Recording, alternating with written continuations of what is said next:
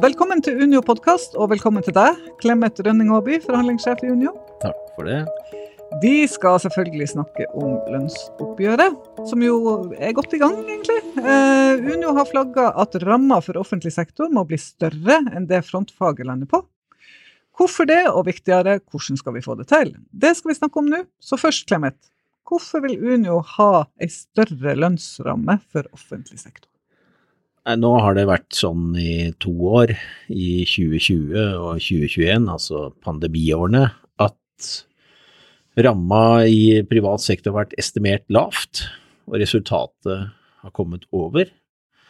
Samtidig, når estimatet foreligger, så har offentlige arbeidsgivere holdt seg til det lave estimatet, ikke gått utover det, eh, med den konsekvens at når fasiten kommer og statistikken foreligger, så har altså offentlig sektor overalt tapt i ramme.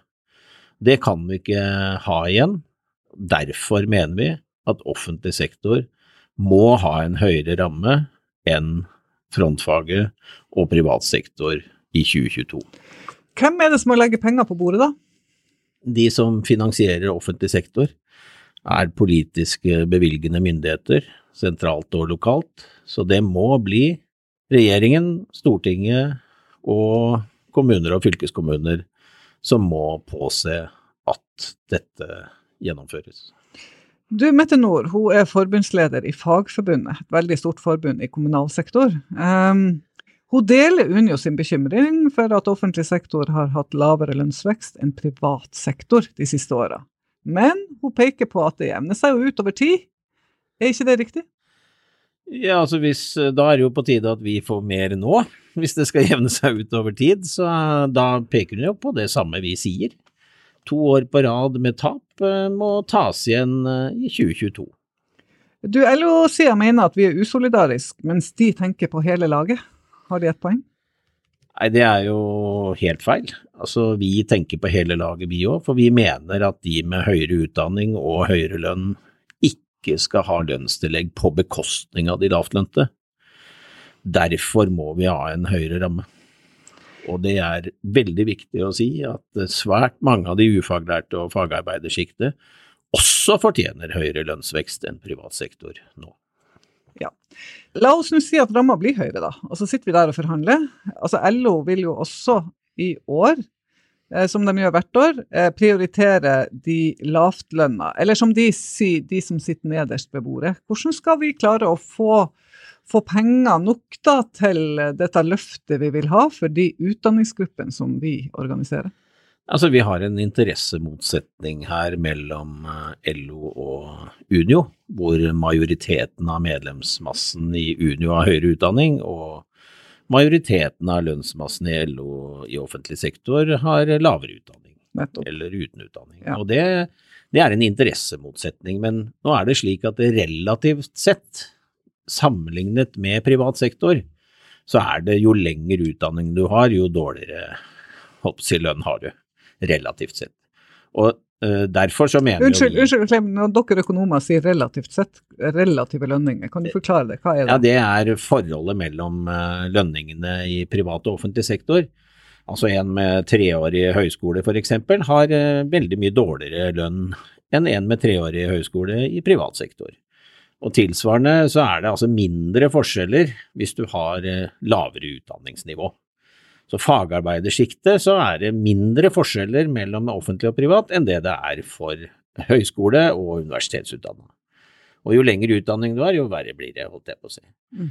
Og det, det, er jo en situasjon med relative forskjeller i, i, eh, dette landet som ikke kan fortsette. Eh, det er også sånn at eh, i offentlig sektor så er det en veldig høy kvinneandel blant de med høyere utdanning. Eh, og Derfor så har dette et likestillings- og likelønnsaspekt som er overmodent for å få gjort noe skikkelig med. Mm. Uh, og der er uh, relasjonene verre for de med høyere utdanning enn det er for de uten utdanning eller med fag, fagarbeiderutdanning. Kan man si at lønner altså hvis, For de som ikke har utdannelse eller lavere utdannelse, eller har videregående skole, da, og, er, og kanskje et par år etter det, Eh, lønner det seg for de å jobbe i offentlig sektor istedenfor privat? I hvert fall så taper de ikke tilsvarende. Mm. Og eh, blant annet i staten så er jo de lønnsledende på de uten utdanning. Altså de har jo høyere lønn enn andre private tariffområder også.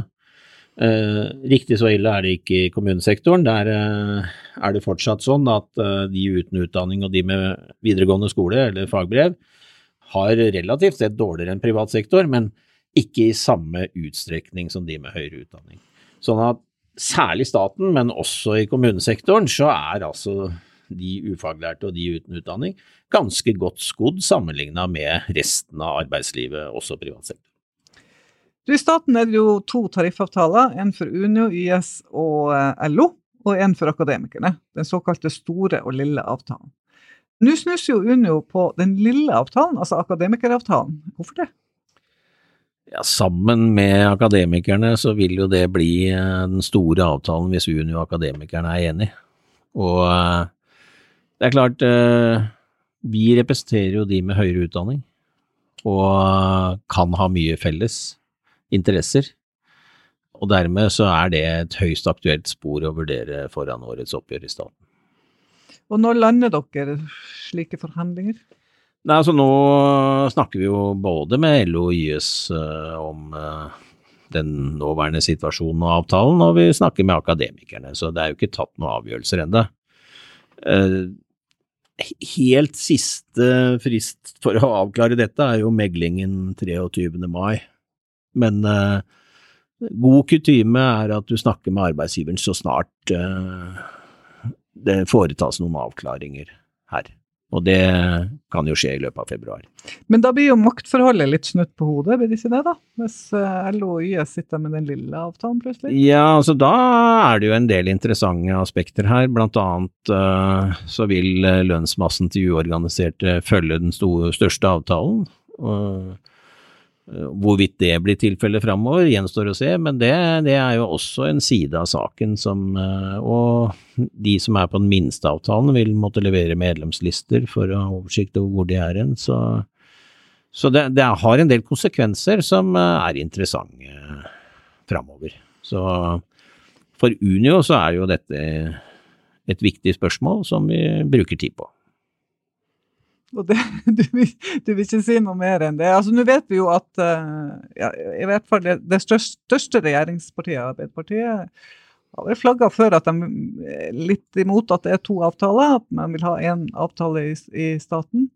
Kan det gå mot det? Det er vanskelig å si uh, nå, men uh, Eh, og det er, eh, det er, en interessant side av dette. Altså hvor står arbeidsgiversiden i dag? Det er vel en Senterparti-statsråd som tidligere har vært leder av KS som er øverste arbeidsgiveransvarlig her. Der er det jo sånn at uh, de med høyere akademisk utdanning uh, har kun lokal lønnsdannelse, og så er det vi som har både sentral og lokal lønnsdannelse. Så her er det nok uh, muligheter både den ene og den andre veien, og det får vi se på. Du, eh, Jørn Eggum, han er Fellesforbundets eh, leder og den som forhandler først med NHO om den såkalte frontfagramma. Han sier at offentlig sektor ikke kan få mer enn de forhandler seg fram til i frontfaget. Der har han vært veldig klar i, ute i mediene uh, i det siste. Uh, hvordan skal vi rikke ved den LO-ske oppfatninga? Uh, det er ikke så rart at han sier det, for så vidt. Uh, jeg hadde vel sagt det sjøl hvis jeg var først ute. Men uh, det som er situasjonen, er at industrien har hatt en særlig lokalt lønnsvekst utover det som var anslått, som gjør at den samla arbeider- og funksjonærnormen ikke har blitt så høy som statistikken viser. Og når statistikken foreligger, det er da du får fasiten. Mm. Og for 2020 så var dette et halvt prosentpoeng. 2021 kommer med TBU-tallene, og vi er jo ganske spente på det. Vi har bare gjort noen grove anslag at det blir tilsvarende som i 2020. Det er jo ikke et fasit, så det må vi jo vente og se. Men hvis det skulle bli et halvt prosent, så er altså etterslepet etter både 2020 og 2021 ett prosentpoeng, og det utgjør av en samla lønnsmasse i hele offentlig sektor på drøye 400 milliarder kroner, så er det 4 milliarder i året. Og det er klart at det vil eh, ikke Det er ikke akseptabelt for offentlig sektor å sitte med et sånt etterslep. Ja, du var jo frisk i Dagbladet her i helga og hevda at utdanningsgruppen i offentlig sektor har gått glipp av 4 milliarder de to siste årene. Ja, det er ikke bare utdanningsgruppene, det er også alle. Okay, ja. eh, så det er en samla etterslep for hele offentlig sektor, som inkluderer helseforetakene, inkluderer, og alle ansatte der, eh, og alle ansatte i kommunene, alle ansatte i staten, eh, og andre deler av offentlig sektor som måtte telle med i en sånn betraktning. Og det er klart, det er formidabelt med penger. Men det er altså bare lønnstilleggene som vi har gått glipp av for ikke å få samme ramma som industrien. Andre deler av privat sektor har fått mer. Og Derfor så er på en måte situasjonen helt uholdbar. Og det er altså ikke sånn at eh, lønnsveksten i 2020 skyldtes at det ble så veldig store endringer i arbeidsstokken i industrien.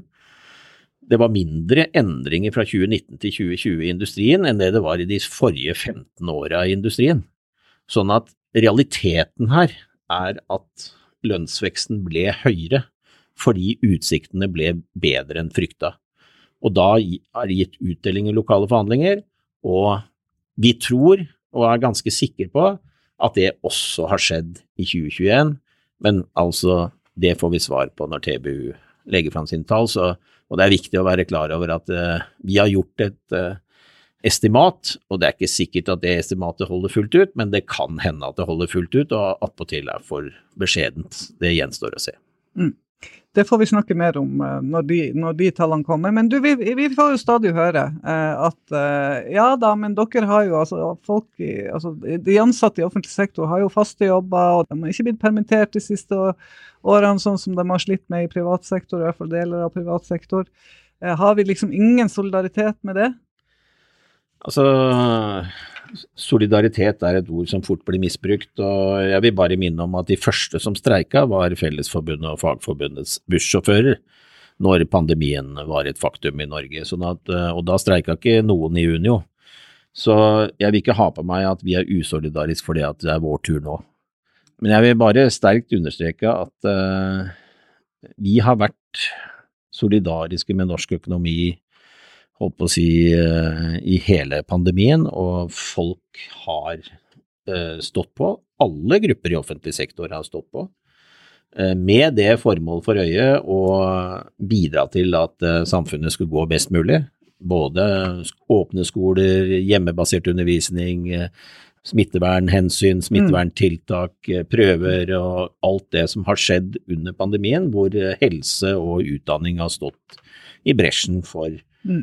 veldig mye arbeid knytta til pandemien for å uh, ja, sikre at uh, Norge skulle gå bra i denne situasjonen. Uh, og det er helt urimelig, fullstendig urimelig, hvis de da ikke skal få lønnstillegg på nivå med det industrien har i denne pandemien.